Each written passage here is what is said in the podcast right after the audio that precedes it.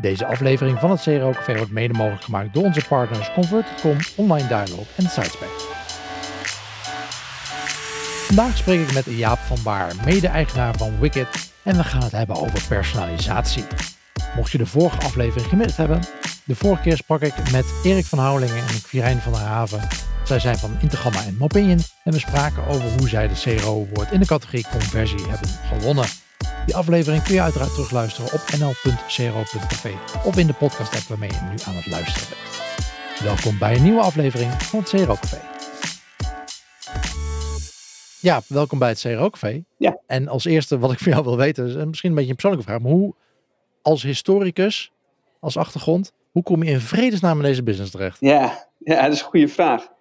Als historicus heb ik geleerd dat, je, dat je een aantal ding, dingen kan worden in, in dit land. Dat is uh, uh, premier, kan je worden. Als historicus, ja. Als historicus. Of koning. Ja. Of je kan, je kan naar het UWV, denk ik. Ja. en, en dat was een beetje mijn voorland. Daar was ik in ieder geval een beetje bang voor. ik ben Ja. afgestudeerd in de Duitse naoorlogsgeschiedenis. Dat, uh, dat klinkt heel, heel ingewikkeld en dat was het niet. Um, want het ging, uh, het ging uiteindelijk om hoe Duitsland een normale rol kreeg in, in, in Europa Ja. na de Tweede Wereldoorlog. En dat was net in de tijd dat, dat Duitsland voor het eerst, ik ben al best wel oud, in, de, Joeg in Joegoslavië meevocht om vrede te brengen. Maar ja, wat doe je met zo'n onderwerp? Daar, daar kan je niet zo heel veel mee. Althans, na je papiertje moet je toch geld gaan verdienen. Mhm. En toen kwam ik bij het bedrijf van mijn vader terecht. Het wordt nog, nog gecompliceerder, maar hij zit in de riooltechniek. En hij zei, nou Jaap, als jij nu een baan gaat zoeken, dan ga je eerst maar zorgen dat je een paar maanden bij mij gaat zitten om mijn agenda te vullen. En ehm, die paar maanden werden een paar jaar. En met dat bedrijf zijn we uitgegroeid tot een van de belangrijkste rioolbedrijven, of tenminste op het gebied van riooltechniek in Nederland ja, we wijken steeds verder af. Dat is historisch eigen. Toen dacht ik, ik ben 28, nu moet ik echt iets gaan doen wat ik, uh, wat ik echt gaaf ga vinden. En toen zei een vriend tegen mij, je kan tegenwoordig kan je, uh, tracken wat er op een website gebeurt. En ik wist net hoe een website werkte, maar dat is dan 15 jaar geleden geweest ongeveer. Je, je, kan, je kan de historie bekijken van een website. Je kan de historie, ja, mooi gezegd is dat. Ja. En dat vond ik echt fantastisch, daar had ik nooit over nagedacht. Toen kwam ik bij een bedrijf terecht met mijn. Dat is natuurlijk wat, dat is natuurlijk wat jij miste in jouw onderzoek uh, in Duitsland. Van ja, ik wil eigenlijk uh, het gedrag van die mensen uh, kunnen tracken, wat ze precies gedaan hebben. Nou, en het was zelfs nog erger, want ik mocht voor het schrijven van mijn scriptie mocht ik geen gebruik maken toen nog van internetbronnen. Dus ja. Um, Ah, ja. Nou, we dwalen af. Ik kwam bij het bedrijf terecht waar mijn huidige compagnon Paul Stam ook werkte. En wij leverden web analytics software in de tijd dat er nog betaald werd voor web analytics software. En ik ben in een hele korte tijd heb ik daar een hele mooie opleiding gemaakt en heb ik uh, uh, heel veel geleerd en ben ik met grote bedrijven in aanraking gekomen. Ja, en dan ben je als historicus ben je vaak ook wel eigenwijs en denk je, ik, wat ik geleerd heb, dat kunnen we eigenlijk verbeteren, dat kunnen we mooier maken op het gebied van web analytics en personalisatie. En toen zijn we het avontuur met uh, Wicked begonnen. En de rest is geschiedenis. Helemaal goed. Oké, okay, maar uh, Wicked begonnen. Um, ja. Waarom? Ja, ja, waarom? Maar wat was, je, wat was, het gewoon, was het gewoon puur van, oké, okay, nou, we, moet, we, moeten ergens geld mee verdienen. Wat was nou jouw ultieme interesse hierin? Of wat is jouw ultieme interesse hierin geworden? Nou, wat wij zagen toen, uh, toen wij bij dat uh, bedrijf werkten samen, een jaar of tien geleden, was dat we, toen noemden we nog geen personalisatie, toen heette het uh, behavioral targeting. Ja. Nou ja, dat was net zo'n bekkenbreker als, als personalisatie. Um, en wij zagen dat met de software die we toen gebruikten, dat we al met een beperkte vorm van ja, segmentatie op de website, zagen we dat we best wel conversiewinst konden boeken. Het probleem tien jaar geleden was dat, dat veel bedrijven nog bezig waren met zorgen voor meer traffic, goed gevonden worden in, in Google. Eh, dat eh, veel silo's er nog waren en de expertise nog niet altijd voorhanden was. Dus we waren eigenlijk onze tijd eh, vooruit met, met personalisatie. Iedereen had het er wel over, maar nog niet iedereen deed het. Of bijna niemand deed het. Maar we hadden wel die ambitie om de gaafste personalisatiesoftware te maken die de wereld ooit gekend had. Ja. Nou ja, de een wil profvoetballer worden en de ander wil, wil dit gaan doen. Uh, ieder, uh, ieder zijn hobby. Um, Dus toen zijn we met Wicked begonnen. Daarnaast hebben we wel nog een ander bedrijf wat geld verdiende, hebben we er, erbij aangehouden. Want dit was echt jarenlang flink investeren. Dus dat is 2012 geweest dat we daarmee begonnen waren met die ambitie. Ja, en toen zijn we de eerste vier jaar zijn we knetterhard de verkeerde kant op gaan, gaan ontwikkelen. Dat is, dat is altijd het risico als je met, met niks start. Ja. En wat was die verkeerde kant dan? Deden was, we hadden een droom over die personalisatiesoftware. En die ambitie was dat we websites konden aanpassen op basis van het gedrag van elke individuele bezoeker. Dus daar was onze software ook op gericht om dat qua features en functions eh, mogelijk te maken. En dan zaten Paul en ik zaten in mijn oude Volvo naar een, uh, naar een, uh, naar een nieuwe klant of naar een prospect of naar een potentiële partner. En toen zei zo iemand die zei, is dit ook mogelijk? Ja. En ik zat op mijn salesstoel. Ik zeg, tuurlijk, dat kunnen wij, eh, kunnen wij ook fixen. En dan kreeg ik een schop onder tafel van Paul. Maar die zat op de terugweg zat hij dat weer te programmeren. Dus wat je ging krijgen was een ongelooflijk uitgebreid, uh, ongelooflijk uitgebreide tool. Die precies door één man in de wereld uh, bediend kon worden. Namelijk degene die het ook geprogrammeerd had. Dat is op softwaregebied is dat niet een heel schaalbaar model. En tegelijkertijd merkten we dat klanten ook aan ons uh, vroegen van joh, hartstikke leuk dat jullie die software hebben. Want we hadden gelukkig wel klanten. Hartstikke leuk dat jullie die software hebben, maar wat moeten we ermee? Hoe gaan we dat inrichten? Waar beginnen we met personalisatie? Nou, dat, dat is een bekende vraag die je altijd uh, te horen krijgt. Dus wat we gingen doen was, en dat werd nog minder schaalbaar, was dat we uh, die software gingen leveren, maar we gingen ook meteen de inrichting daarin doen. En elk, elke nieuwe klant gingen we als een maatwerkoplossing gingen we, gingen we aan. Daar gingen we dat avontuur weer aan. Dus we konden niet heel erg veel leren van de ervaringen die we hadden opgedaan in het verleden. Uh, dus dat was de eerste, eerste helft van ons bestaan. We bestaan nu acht jaar. Toen gingen we opeens nadenken. En dachten van, ja, enerzijds hebben we die, die tool. Dat is, dat, is, dat is wat wij hebben. Daar, daar, daar hebben we veel in geïnvesteerd. Anderzijds hebben we die klant, die helemaal niet geïnteresseerd is in die tool. Die zegt gewoon van, joh, hoeveel extra knaken nou, in de kassa hou ik aan het eind van de maand over als ik met jou ga samenwerken. Ja. Dus daar zat een behoorlijke mismatch. En dat moesten we bij elkaar brengen. Dus dat hebben we toen gedaan en hebben we nagedacht toch over wat is nou de rode draad uh, bij de projecten waar we nu mee bezig zijn. Wat zien we nu altijd terugkomen als we die personalisatiesoftware gaan installeren bij, bij onze klanten? En daartoe zijn we tot een personalisatie- en een implementatiemodel gekomen. Hebben de software veel meer gestandaardiseerd. Hebben we de implementatie ook veel meer gestandaardiseerd. En vanuit een bepaald model zijn we dat gaan aanvliegen. En toen ging, is, is, het nu een, uh, is het nu een SaaS-tool of is het iets dat mensen moeten installeren op hun uh, eigen server? Uh, het is een SaaS-tool waarbij het stukje code wat we nodig hebben om te personaliseren, dat installeer je op jouw... ja, precies. Net, net, als Google Analytics in principe.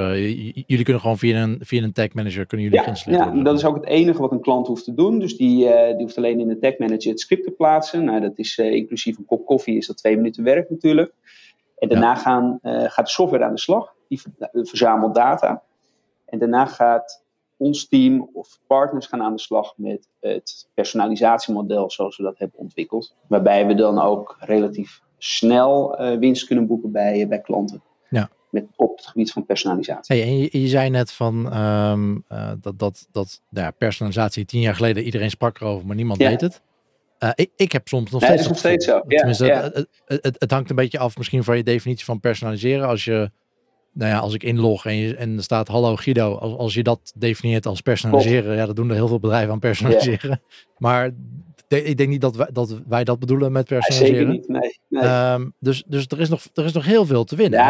Ja, um, waardoor denk je dat dat komt? Dat dat nog steeds niet uh, gemeen ja, wat, is? je, wat jij zegt, dat voel ik ook. Toen ik, uh, ik ging op het dieptepunt van de vorige crisis, uh, starten wij met Wicked in 2012. dus ja. ik zei tegen mijn... dat is het beste moment om een bedrijf te starten, mensen. Ja. Dus ik zei tegen mijn vriendin van, joh, ik denk dat dit wel over een jaar of twee, drie heel groot gaat worden. Hier gaan we geld mee verdienen. Ja. En dat zeg ik sindsdien, zeg ik dat elk jaar nog steeds. maar we zijn inmiddels zijn we acht jaar verder. En voor mijn gevoel zijn we ja. ook nog geen, geen stap verder als het gaat om het goed toepassen van personalisatie. Uh, dus maar ligt, ligt dat aan de techniek? Uh, snappen mensen het gewoon niet? Uh, zijn, hebben, hebben de meeste bedrijven gewoon de basics niet op orde. Ik heb er een tijdje geleden weer met, met Arnoud uh, Hellemans over gehad. Ehm, bij heel veel bedrijven zijn die basics gewoon niet op orde. En als je, volgens mij voor personalisatie, en correct me if I'm wrong, maar je moet wel bepaalde basics op orde hebben. Uh, natuurlijk moet je, moet je uh, redelijk wat traffic hebben om, om mensen in groepjes in te delen. Maar je data moet wel op orde zijn. Ja. To a degree. wil je dit kunnen doen? Ja, je, is, is dat het? Dus, dus waar, waar, waar loopt het spaar? Ja, het is een combinatie van factoren. Dat zegt een historicus ook altijd. Um, de basics, klopt. zijn bezoekers in staat om hun doel te bereiken? Nou, dat, dat hmm. gebeurt bij heel veel bedrijven gaat dat goed. Hè. Ten opzichte van tien jaar geleden zijn websites natuurlijk ook veel sneller, veel beter, uh, veel gebruiksvriendelijker. Dus die basis uh, die gaat wel uh, omhoog. Data blijft een probleem. Je ziet bij 10% van de, van, de, van de webshops in Nederland, die hebben voldoende data om goed te analyseren. Maar heel veel webshops ontbreekt, daar, daar ontbreekt het gewoon aan, aan voldoende inzichten. Daarnaast is het met personalisatie ook. Uh, personalisatie is het verbeteren van de interactie met jouw bezoeker. En veel marketeers die zijn toch gericht op het verbeteren van het kanaal. Dus die maken een website en gaan op basis van de analyse en gebruikersonderzoek en dergelijke, gaan ze dat, die website gaan ze verbeteren voor de gemiddelde bezoeker. Terwijl je in de huid van de klant moet gaan kruipen om te weten wat hem of haar beweegt en op een relevante manier op het juiste moment in, in die klantreis moet interacteren en moet inspelen op dat gedrag. Nou, dat vereist een andere manier van denken, uh, waarbij traditionele online marketeers niet altijd gewend zijn om dat te doen.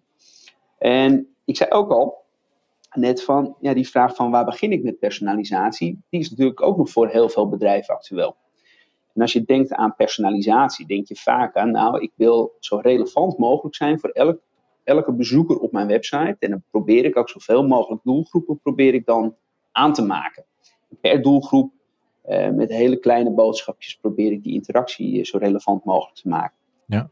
De uitdaging daarin is dat het wel heel complex kan gaan worden. En dat die doelgroepen vaak best wel klein zijn als je niet zo heel veel traffic hebt. En onze learning is ook, dat waar begin ik nu, is eigenlijk met al je bezoekers die op de website komen, die op een hele beperkte manier een relevante, uh, op het relevante moment van de juiste content voorzien. Dus we denken vaak te ingewikkeld als we willen starten met, uh, met personalisatie. En dat hoeft eigenlijk allemaal niet. Sitespec biedt wereldwijd een unieke AB-testing, personalisatie en product recommendation oplossing. Sitespec werkt server-side, dus zonder tags of scripts, waardoor er een optimale performance gegarandeerd is. De Sitespec oplossing elimineert vertraging en kans op knippereffecten. Tevens zorgt deze aanpak ervoor dat de huidige en toekomstige browser security regels zoals ITP en ETP geen impact hebben op het AB-testen en personaliseren met Sitespec. Voor meer informatie hierover ga je naar sitespect.com. Oké, dus, dus, dus, dan gaat het bijvoorbeeld niet om het indelen van je bezoekersgroep in meerdere groepjes, maar uh, je hebt een verschillend bericht door de week versus wat, wat je in het weekend ja, absoluut. Noem maar, ja, nee, en dat, dat doe je dan voor iedereen. Ja. En wat wij vaak zien is dat we zeggen, nou die, laat die klantreis leidend zijn. En die klantreis, wij hebben mhm. impact op wat er op de website gebeurt, maar dat gebeurt natuurlijk al daarvoor via welke campagne of via, uh, via zoekwoorden of via welk kanaal komt iemand bij jou op de website. En laten we de klantreis leidend zijn. Op het moment dat jij voor het eerst op de website komt, heb jij een andere mindset dan wanneer jij al best wel lang naar een productdetailpagina aan het kijken bent en al in je hoofd het idee heeft van, hey, morgen wil ik die nieuwe schoenen aan. Ja. Dus per fase in die klantreis geloven wij dat jij ook gevoelig kan zijn voor verschillende momenten, of, uh, mogelijkheden tot, tot verleiding of verschillende type motivaties en argumenten om jou verder te brengen binnen die klantreis. Um, en daarbij past bijvoorbeeld ook het moment van de week of, of dat je s'avonds aan het browsen bent. Um, dus uh, dat is onze eerste mogelijkheid tot segmentatie. Waar zit jij binnen jouw klantreis en waar ben je dan uh, gevoelig voor? Oké. Um, ik heb het idee dat als, je gaat als je gaat personaliseren, kan het ook heel snel uh, nou ja, uit de hand lopen. Klinkt misschien wat negatief, maar het, wordt, het kan snel complex worden met hoeveel variaties je van je website gaat hebben. Want dat is in principe wat je doet. Je creëert meer variaties van je website uh, die, die je naar bezoekers uh, toont. Mm ja, hoe hou je dat in de hand, zeg maar? zeker als daar nog een deel automatisering bij komt. Want personaliseren, nou, je kan natuurlijk in verschillende niveaus doen, denk ik. Uh, je, je, ik bedoel, de, de, je kan de, de doelgroep kun je, nou ja, je kan het handmatig selecteren, maar je kan het ook deels automatisch laten doen, denk ik. Uh, dat, dat geldt ook voor de, de, de verschillende variaties die, van, van je website, van je content die je aanbiedt. Dat kun je handmatig creëren en automatisch laten serveren. Of je kan zelfs in die variaties uh, wat automatiseren. Ja, hoe, hoe, hou je daar zeg maar grip ja, op? snap ik. Nou, maar als ik een analogie trek met de fysieke winkelstraat, dan heb, ben je, dan heb je enerzijds heb je dat je de winkel, die maak je perfect voor iedereen die bij jou in die winkel stapt. Als jij in de winkel stapt of ik stap in die winkel, die winkel ziet er hetzelfde uit. Maar de looplijnen zijn over het algemeen zijn die logisch ingericht. De plek van de kassa is, is, is, is op het beste, beste punt. De producten zijn aan het eind aan het eind. De, de sneller verkopende producten die staan vooraan en dergelijke. Dus dat is voor, voor de bezoeker is dat, is dat optimaal ingericht. Nou, als ik die analogie trek met die website, die winkel, daar hoeven wij dan dus niet zoveel aan te gaan doen. Ik ga niet die winkel helemaal een ander kleurtje geven en de volgorde van de producten uh, veranderen op het moment dat jij binnenkomt. Dus die winkel, daar doen we over het algemeen niet zo heel veel mee. Die verkoper, dat zijn wij. Dus wij maken de, uh, de communicatie en de interactie met die bezoeker persoonlijk, zodat iedereen toch op een andere manier naar buiten stapt. Met een persoonlijk gevoel naar buiten stapt. Dus als je dat weer vertaalt naar jouw website of jouw shop, dan kun je die webshop kun je prima uh, laten zoals hij is. Tenzij de basics niet op orde zijn. Want we zeggen ook altijd, een verkoper heeft geen zin als de deur klemt. Dus uh, je moet zorgen dat, de basis, de randvoorwaarden voor conversie wel op orde zijn op je website. Um, als je dan kijkt naar, naar personalisatie, dan gebruiken we vaak hele kleine en, ja, boodschapjes, notificaties, pop-ups, die inspelen in het onderbewustzijn van jouw bezoeker met de juiste argumenten op het juiste moment. Dus als het gaat om die variaties op de webshop, kan dat nog best wel meevallen. Je enige variatie is dan die kleine boodschap die je laat zien uh, op een bepaald moment binnen die klantreis. Dan is het ook een punt van, hey, waar start ik? En wij zeggen altijd, nou, begin lekker grof en ga op basis van je data eh, steeds fijnmaziger te werk. Want alleen dan is het inzichtelijk te krijgen wat jouw optimalisaties hebben opgeleverd.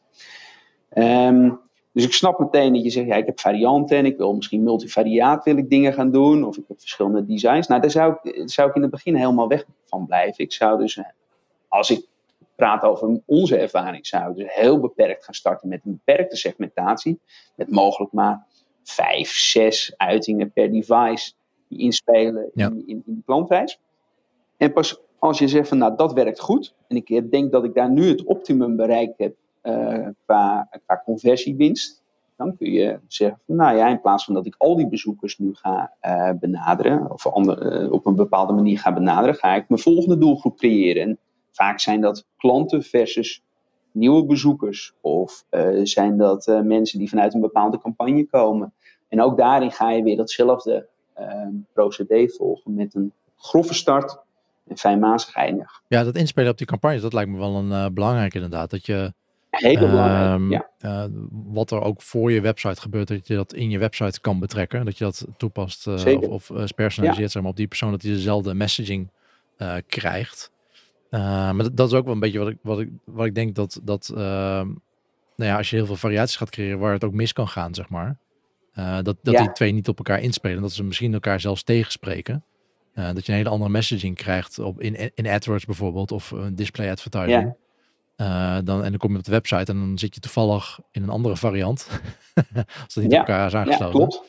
Uh, dat kan ja. natuurlijk ook heel verwarrend werken juist. Nou, en dat we, uh, wij noemen personaliseren is altijd een versterker. Als mensen een conversiedrive hebben, een behoefte hebben om te kopen bij je, en ze horen de juiste argumenten, dan gaan ze nog sneller kopen. Als uh, de, als de verwachtingen bij de klant hoog zijn, bijvoorbeeld vanuit, vanuit een campagne waardoor ze klikken naar je pagina en je kan die verwachtingen niet waarmaken, dan werkt het ook weer andersom. Ja.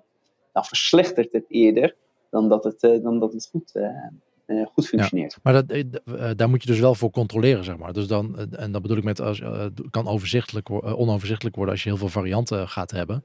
Van ja, hoe zorgen we er nou ja. voor uh, dat die messaging uh, consistent blijft. Ja, nee, zeker. Uh, dat hebben we binnen de software hebben we dat wel zo, zo ingeregeld om die messaging wel aan de juiste doelgroep te koppelen. Maar je ontkomt er nooit aan dat, dat er dingen tussendoor kunnen glippen. En dat mensen net weer ander gedrag vertonen, wat je niet had, had kunnen voorspellen. Ja. Ja, precies. Dus, dus ehm, personalisatie, welke tool je ook gebruikt, denk ik. Het is niet een uh, iets, iets wat je even aanzet en klaar, zeg maar. Helemaal personaliseert wel, hè?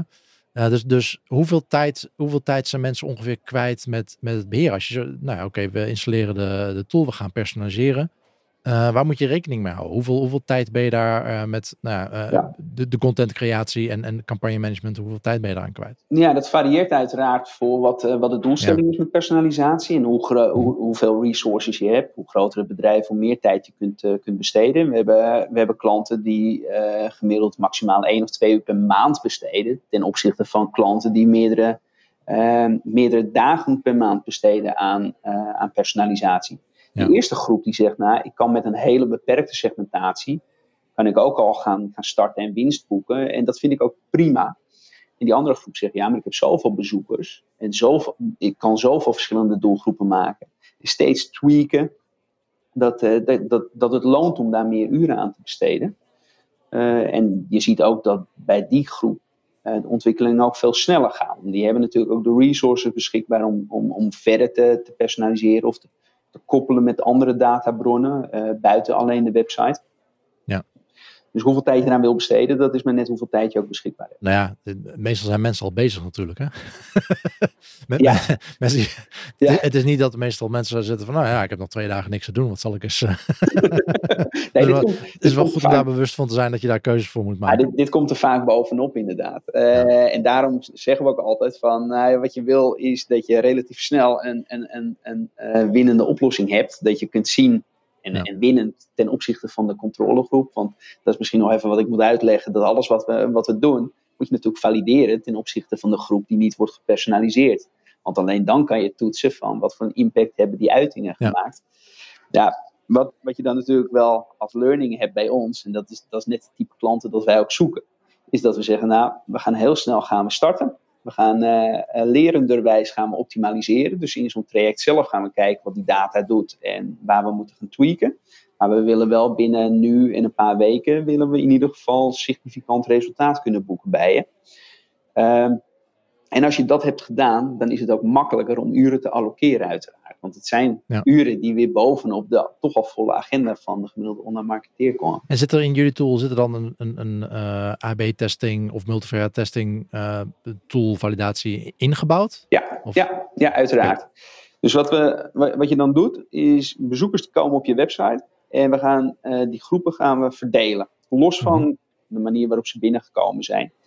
En die moet je uiteraard in dezelfde periode, moet je die, uh, die, die uh, controlegroep en gepersonaliseerde groep, de prestaties daarvan, moet je, moet je tegen elkaar afwegen. Want alleen dan kan je objectief vaststellen wat je aan het doen bent, heeft het ook een uh, positief resultaat. Ja. AB-testen draagt bij aan de zekerheid van je bedrijf. Onderzoek welke teksten en site-elementen het beste bij jouw merk passen. Laat je omzet groeien en doe dat met de beste tool qua features, prijs en ondersteuning. Convert.com heeft daarnaast ook sterke privacy compliance, full stack features en dat allemaal zonder knippereffect. Enterprise veiligheid voor een self-service prijs. Bespaar tot 80% op je jaarlijks contract en als je wil is er een migratieservice beschikbaar. Voor meer info zie www.convert.com. En is dat dan, is dat dan uh, verdelen jullie dat gewoon strikt over de varianten uh, evenredig? Of zit er een soort multi-arm bandit algoritme achter? Of hoe, hoe moet nee, dat is wel evenredig. 50-50 beginnen we ja. vaak uh, bij, bij, bij websites. en daar gaan we niet per test, gaan we dan ook nog een, een variant in, die, in die controle of gepersonaliseerde groep okay. doen. Oké. Okay. Ja. En, en waar ik wel benieuwd naar ben, wat maakt nou eigenlijk een personalisatietool anders dan een reguliere AB-testing tool? Uh, qua techniek, zeg maar. Want ook ja. in een AB-testing tool kan ik gewoon zeggen van oké, okay, uh, laat deze varianten alleen maar zien aan nieuwe gebruikers. En laat deze varianten alleen maar zien aan de terugkerende gebruikers of een specifieke ja. pagina. Of ja. nou ja, week versus weekend kan ik ook wel instellen. In, en als ik convert.com gebruik, kan ik dat ook gewoon doen. Het voelt alsof de techniek heel uh, heel gelijkwaardig is, zeg maar. Nou ja, binnen, binnen onze software is ook uh, AB-testing is, uh, is ook aanwezig. Wat wij, dan ja. heel, wat wij dan als onderscheid hebben, is dat we bij AB-testing zeggen we gewoon van, nou, deze, deze uiting laten we zien aan, een, een aan de B-variant. Of de B-variant laten we dan zien aan deze groep mensen. Ongeacht het gedrag dat mensen binnen hun bezoek aan het vertonen zijn. En dat is een verschil met personalisatie of gepersonaliseerd AB-testen. Wat we doen, is dat je ja. wel heel sterk inspeelt op het gedrag op dat moment, het actuele gedrag, om in real time iets anders te laten zien ehm, dat, uh, door, door het gedrag dat die mensen ja. vertonen. Dus kun je dan zeggen dat, dat, en, uh, dat jullie eigenlijk dat eerste deel, dat AB-testen, het, het uitvogelen wat de beste variant is voor een bepaalde doelgroep, dat is redelijk hetzelfde. Ja. Maar een AB-testing tool die stopt daarna gewoon, want die zegt van, nou, dit is de, dit is de beste. Jullie gaan en daarna in principe door ja. met het uit, uitserveren van, de, van die variant, de, de winnaar zeg maar, naar de, de juiste doelgroep. Uh, exact. En wat we dan al, wat het vergelijk maakt dan altijd, de AB-testing tool maakt een betere website. Uh, gepersonaliseerd AB-testen verbetert de interactie met je bezoeker. En uh, hebben jullie ook bepaalde richtlijnen? Nou, we hebben het net al even over basics gehad, maar ook bepaalde richtlijnen van: oké, okay, ja, zoveel bezoek moet je minimaal hebben. Anders hoeven we er ook niet aan te beginnen. Uh, bij business to consumer gaat het natuurlijk makkelijk. Maar als je nou een business to business website hebt, dan, dan heb je misschien niet zoveel traffic. maar als je toch wil personaliseren, wat, wat zijn zeg maar de minimum aantallen waar we aan moeten denken? Ja, ook dat, uh, dat is echt weer historisch je eigen, maar dat hangt er maar vanaf. Je zijn net B2B. Um, die hebben inderdaad over het algemeen minder traffic. Um, maar die hebben, als ik kijk naar een aantal klanten van ons, die hebben wel een behoorlijk hoge conversie. Want de mensen die op die B2B website komen, ja. die hebben wel een specifiek doel. En, een hoger, hoger percentage van mensen die inloggen natuurlijk, dat helpt ook. Uh, ook dat, uh, dat klopt. Maar je kan natuurlijk wel je conversiedoelen kan je daarin instellen. En dan zie je toch ook dat relatief veel mensen um, hun doel bereiken in de zin van contact opnemen, uh, een whitepaper downloaden, afspraak maken en dergelijke. En je ziet toch bij veel B2B bedrijven dat de website als een lead generator wordt gebruikt.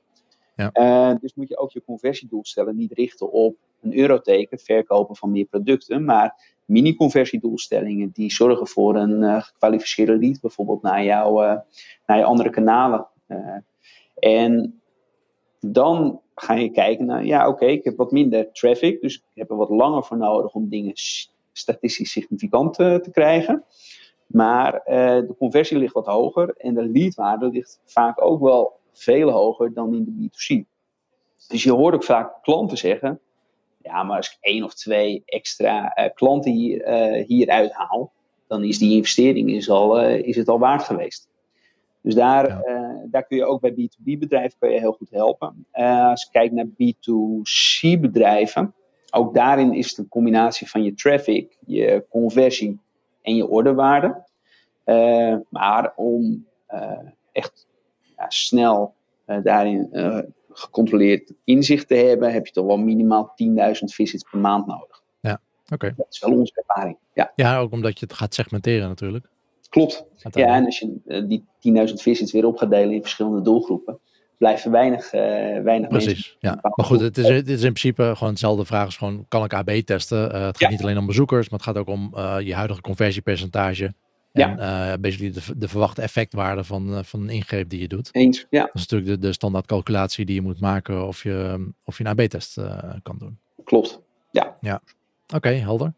Heb je, nou, je hebt nu inmiddels, inmiddels wat zei acht jaar ervaring hiermee. Ja. Um, kun je zeggen dat er bepaalde best practices zijn? Z zijn er al dingen die je gewoon bij een nieuwe klant kan neerleggen van oké, okay, nou, als jij misschien beperkt of, of gesegmenteerd op bepaalde sectoren of B2B, B2C, mm -hmm. maar kun je al algemene tips geven van, nou ja, dit zijn wel dingen die werken vaak? Ja, ja dat kan zeker. Uh, het personalisatiemodel dat wij hanteren, daarin segmenteren wij op basis van jouw klantreis. En daarin zeggen we, daar zitten een aantal fases in. Begin ben je aan het oriënteren, of tenminste proberen we jou langer vast te houden op de website. Voorkomen dat je gaat bouncen.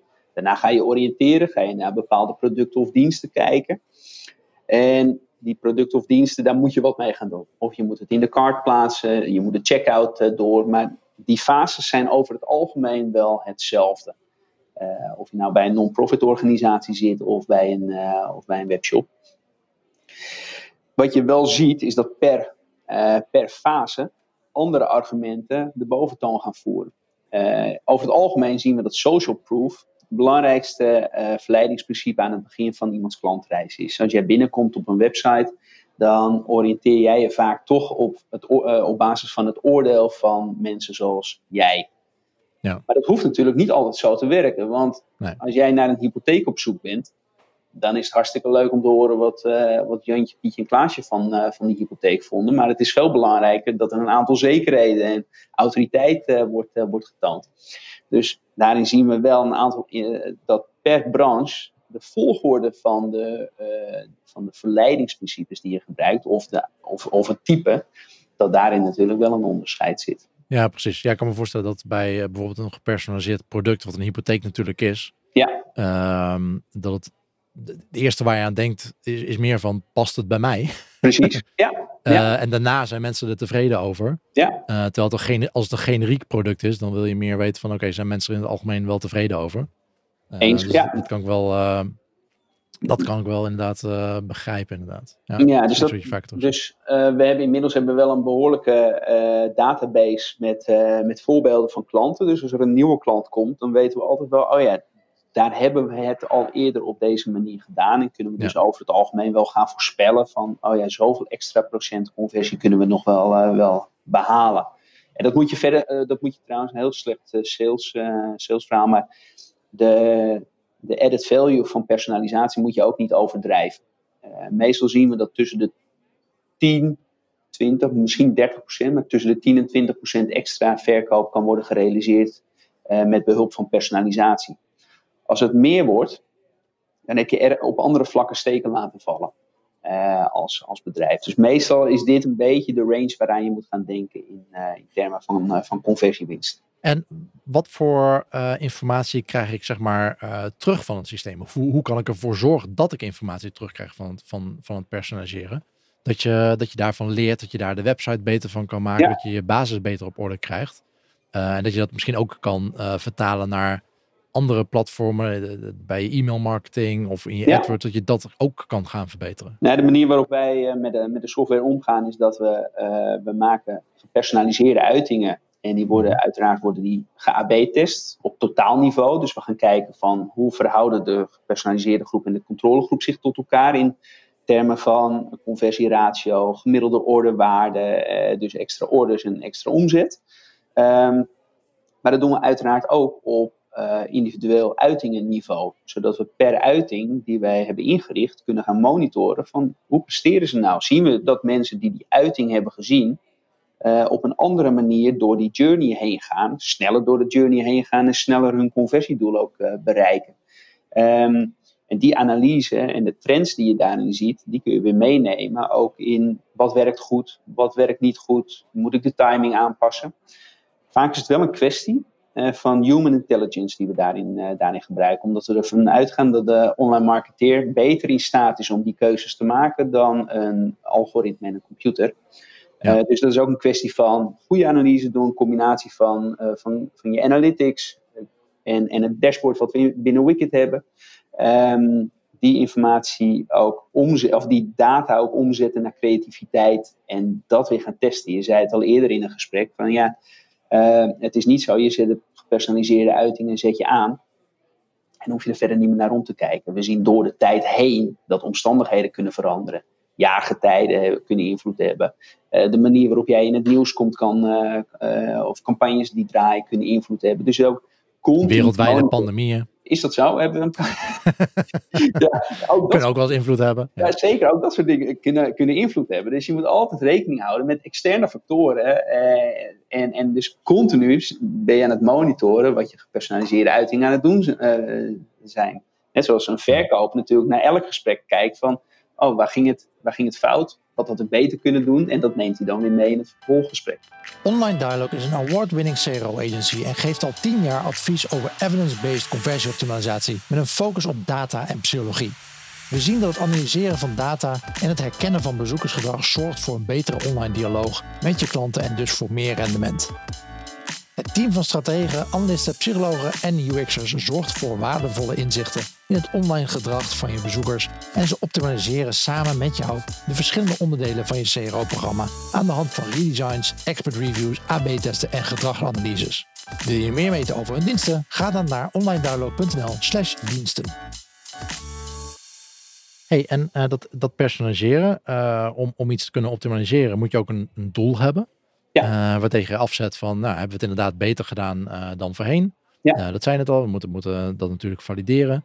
Um, zijn dat altijd doelen binnen de sessie waar je naar kijkt? Of kun je ook naar lange, moet je natuurlijk wel de data voor hebben, maar kun je ook naar lange termijn doelen kijken? Kun je ook zeggen, ja, van, ja ik, ik, ik, wil meer op retentie gaan zitten. Ik wil, die eerste verkoop is leuk, ja. Uh, maar ik wil juist optimaliseren dat mensen voor, naar mijn website terugkomen.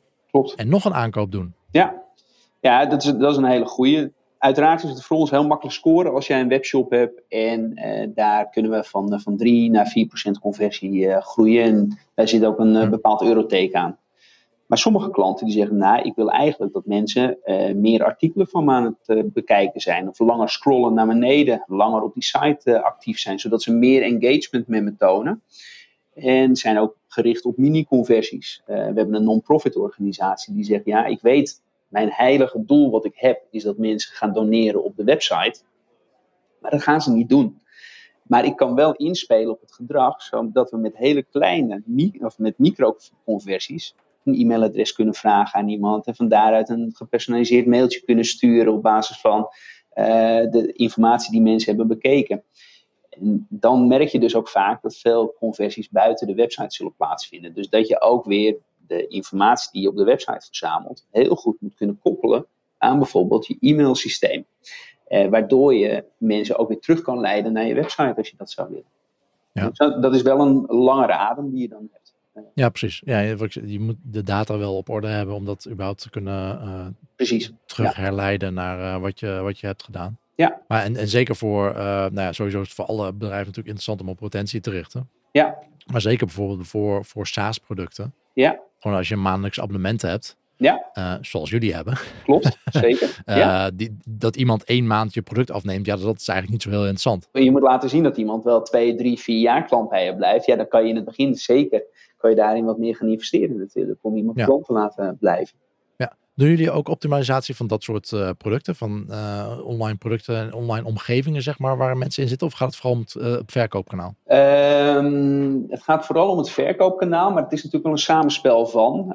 maar het is een best wel gevaarlijk punt als wij ook advies, advies gaan geven op, op het type product dat, dat ze bijvoorbeeld leveren. Mm -hmm. Maar het werkt natuurlijk wel, want conversie in die end is altijd afhankelijk van van je traffic die je hebt, de conversiebereidheid die je hebt, maar ook de kwaliteit van de producten die je laat zien en de kwaliteit van het kanaal. Dus als we ergens kunnen helpen of advies kunnen geven, zou ik het niet nalaten. Maar dat is, dat is wel een beetje um, buiten ons uh, aandachtsgebied. Ja, precies. Ja, en wederom, uh, de, de, data en de traffic die hebben ze hier natuurlijk ontzettend bepalend. Zeker. Ja. Uh, als, ja. als iemand al klant is, die, die doelgroep is natuurlijk significant kleiner.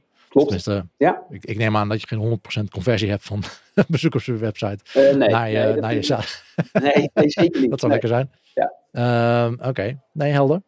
Hey, uh, dankjewel. Uh, super tof dat je dit uh, met ons wilde delen en je ervaring van de afgelopen acht jaar ehm, hier ehm, aan ons, aan ons geeft. Ja. wat, is nou, wat is nou een inzicht dat jij hebt opgedaan? Um, in, in die afgelopen jaren waarvan je denkt van oké, ik heb dit inzicht nu, maar anderen in, in de industrie, uh, misschien andere CRO-specialisten, die hebben dit inzicht niet of nog niet. Nou, het is een beetje de herhaling van, uh, van wat, ik al, uh, wat ik al eerder zei, is dat je de neiging hebt om als het gaat om dit gebied, deze tak van sport, om te gecompliceerd te, gaan denken. Uh, en het inzicht dat wij hebben eh, is, begin nou gewoon lekker simpel. Pak het laagst hangende fruit uh, en dat vind je over het algemeen over al je bezoekers heen. Dus als je over al je bezoekers heen kunt gaan, gaan ja, op een beperkte manier kunt gaan uh, segmenteren, relevanter kan zijn in je klantcommunicatie, heb je mhm. eigenlijk al 80% van je winst te, te pakken. Dus maak het zeker niet te complex en start simpel. En wat zijn nu dingen waarvan je denkt van oké, okay, uh, we staan nu hier met het, met het product, met personaliseren. Ja. Wat staat er op jullie roadmap? Wat, wat zijn de dingen waarvan je denkt van oké, hier word ik wel enthousiast van. Als ja. uh, de, wat, wat kunnen we over twaalf maanden? Ja, het is, uh, we hadden het er net al over, het is heel uh, lastig om te gaan voorspellen hoe ontwikkelingen gaan. Want tien jaar ja. geleden dachten we ook al dat we allemaal ja. multi, omni, cross-channel bezig waren. Maar dat is natuurlijk wel de, de evolutie die we doormaken. En dat is ook wat wij zien. we gaan steeds meer richting, richting de koppeling met andere databronnen. En je wil dus die klantreis over alle kanalen heen wil je relevant maken. Ehm, dat is wel iets wat we voor de komende twaalf maanden alleen maar op de roadmap hebben staan. Dus meer data-integraties mogelijk maken om over al je kanalen heen relevante communicatie te kunnen hebben. Hey, dankjewel. Uh, laatste vraag. Ehm, wie moet uh, ook op deze stoel, uh, nou niet op jouw stoel, maar wie moet ik uitnodigen voor het CRO Café als, als gast? Nou, ik zou, ik zou Nihat Memic zou ik eens, zou ik eens vragen om, om zijn ervaringen aan de. Hij heeft, Nihat heeft zowel aan de bedrijvenkant als aan de advieskant heeft hij gezeten, dus aan de klantzijde en de advieszijde. En vaak ook wel een, eh, een uitgesproken mening over data en over creativiteit. Oké, nou als jij ons even kan eh, introduceren op LinkedIn, dan uh, gaan we het voor elkaar boksen. Ga ik zeker doen. Hey Jaap, dankjewel. Ja, jij bedankt. Leuk. Fijne dag nog en uh, spreek snel weer. Absoluut. Hoi. Doei doei. En dan brengt ons aan het einde van deze aflevering met Jaap van Baar. En de show notes kun je zoals altijd terugvinden op nl.cro.café. In de volgende aflevering spreek ik met freelance conversiespecialist Wesley Singh en we gaan het hebben over het starten als CRO freelancer. Spreek je dan en always be optimizing.